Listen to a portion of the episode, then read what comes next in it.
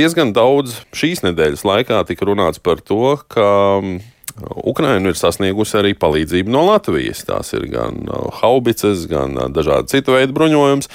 Un šajā brīdī mēs esam sazinājušies ar bijušo Nacionālo bruņoto spēku komandieru Raimonu Graubu, kurš ir arī ministra padomnieks militārajos jautājumos. Sveicināti!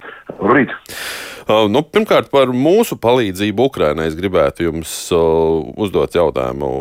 Ukraina ļoti nu, plaši pateicās Latvijai par sniegto atbalstu, gan uh, haubicēm, kas tiek izmantotas jau kaujas laukā, gan citu palīdzību. Uh, varbūt jūs varētu mums atklāt šo tādu, nu, iepriekš varētu būt diezgan lielo noslēpumu, cik daudz mēs dodam Ukrainai un cik mēs vēl joprojām varam dot, un nu, kādi ir tie mūsu resursi.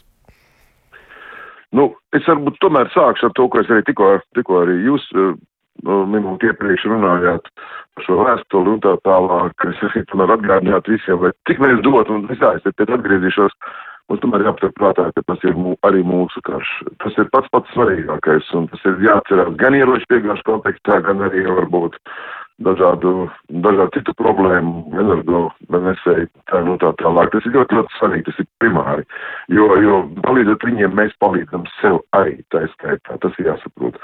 Par noslēpumiem, uh, Nu, tur varbūt uh, cipariski ir, piemēram, pēdējās pašas haubicas. Haubicas mēs esam devuši sešas, sešas pašgājēju haubicas, bet tas uh, tāpat tās pēdējā, pēdējās, pēdējās ir izskanējis, bija četri helikopteri, um, gan Mi-17, gan arī Mi-2. Um, varbūt šobrīd mēs nerunājam skaļi un nerunāsim vēl kādu brīdi par stingriem, ko mēs pašā sākumā devām, bet tāpat tās ir daudz dažādas materiāla tehniskās līdzekļus no mūsu noliktavām, kas ir uh, arī mūsu pārbruņi, pār, pār, atbruņojot mūsu armiju, mums ir iespēja dalīties ar, ar, ar mūsu draugiem, kolēģiem. Bet, bet par pašu to, par pašu drošību, tagad tur pamatā bažīties nav nekādu, jo aprēķini, protams, tiek veikti ļoti rūpīgi. Mēs, mēs aprēķinās bruņotās spēku komandas aizsardzības ministrs, nu, balansē to gan atdot to daudzumus, gan arī, gan arī gan, nu, pret to, kāds ir vajadzīgs mums pašiem. Un es varbūt atgādinātu, ka, piemēram, Haubits, Haubits mums ir pēdējiem diviem iepirkumiem, mums ir 65, viņa pētījis atceros tātad pašlaik matemātiski pareiķināt, 6, 6 Haubits pašgājēji varbūt nebūtu pats pats lielākais, pats lielākais, teiksim, zaudējums. Bet, bet, bet ir vēl viens faktors ļoti svarīgs. Atcerēsimies gan pēdējā NATO samita lēmumus, gan arī, gan arī pēdējo, teiksim, Amerikas Savienoto valstu aizsardzības ministra valsts sekretāra vizīte Latvijā arī dod rezultātus. Tas pēc katrām šādām sarunām tiek palielināta mūsu valsts drošība. Un, piemēram, helikoptera gadījumā pie mūsu lielvārdi atrodas šobrīd, varētu teikt, gan arī pastāvīgi lielākais helikopteru skaits. Pie kā mūsu sveiks tie ir kaujas helikopteri. Mūsu helikopteri atdotie uh, par kuriem diezgan daudz sociālos tīklos tiek, tiek šķēpa lausti un, un pārnes, ka mēs atdodam nopietnas kaujas spējas, paturēsim prātā, ka viņi nav kaujas helikopteri.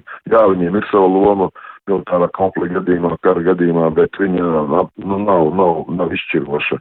Kamēr pie mums Latvijas teritorijā atrodas, tur līdzi gan Apache helikopteri, gan Black Hawk helikopteri.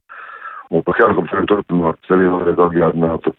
Ka mums ir paredzēts jau šogad saņemt pirmos divus Blackhawks, tātad šī nomaiņa noteikti dabīgi, bet redzat, tie ir piemēri, kas apliecina, ka mūsu palīdzība ir balstīta gan uz mūsu pašu pašaizsardzības spēju nemazināšanu, gan arī patiešām uz balstīt tā, uz tām nepieciešamībām, kādu Ukraiņiem šodien. Tad va varētu teikt, ka dodot uh, prom, mēs paši kļūstam spēcīgāki kaut kādā veidā. Nu, jā, kaut kādā, kādā mērā var teikt, jā, protams, jā, tas ir varbūt saistīts ne tik daudz par došanu. Ja, kaut gan, protams, arī to novērt, arī tas sarunā tika izmantots, jā, nu, rādot, cik, cik aktīvi mēs palīdzam, un mēs arī uh, gribam rūpēties par savu drošību. Uh, bet, bet pamatā, jā, tas ir Krievijas agresijas rezultātā, ir šis efekts, ir šie lēmumi, NATO samita lēmumi par, par, par austrumu plānu stiprināšanu, un mēs esam kļuvuši tikai stiprāki.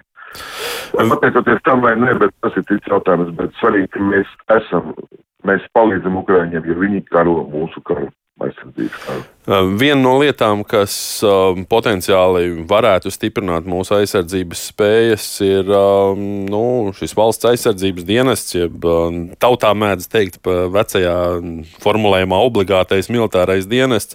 Tas izraisīja visai plašus diskusijas sociālajos tīklos, arī politiskajās aprindās. Daži saka, laba ideja, citi saka, pavisam nelaba ideja. Jūs kā nu, jau atvaļināta militāra persona, arī ministra padomnieks. Kāds ir jūsu redzējums par šo iniciatīvu, par to, kā tas viss varētu attīstīties? Es uzskatu, ka šis lēmums, šis projekts ir absolūti saulēcīgs. Jā, protams, pirms, pirms kāda gada runājot, varbūt tas mēs, mēs vērtētu nedaudz atšķirīgi, bet šobrīd ir skaidrs, ka mums ir jāapmāca vien vairāk un vairāk karavīri vai pilsoņi, kas ir spējīgi piedalīties valsts aizsardzībā, mēs īpaši uzsvērš drošībā. Jo mēs runājot, redzēt, arī jā, sociālos, sociālos tīklos redzam, ka lielākoties tiek lietots vārds obligātais militārais dienas, bet šeit, bet šeit, bet es gribētu uzsvērt šīs sistēmas unikalitāti. Um, es neesmu varbūt ļoti, ļoti detalizēti pētījis visu valstu, absolūti visu valstu praksi, bet, nu, vismaz zinot lielāko, lielāko nopietnāko obligātā militārā dienesta valstis, uh, Šis ir unikāls piedāvājums. Šeit ir četras iespējas, jebkuram pilsonim piedalīties valsts drošībā un aizsardzībā. Un, kas attiecās uz šo militāro daļu, tad man patiesībā par to šaubu nav.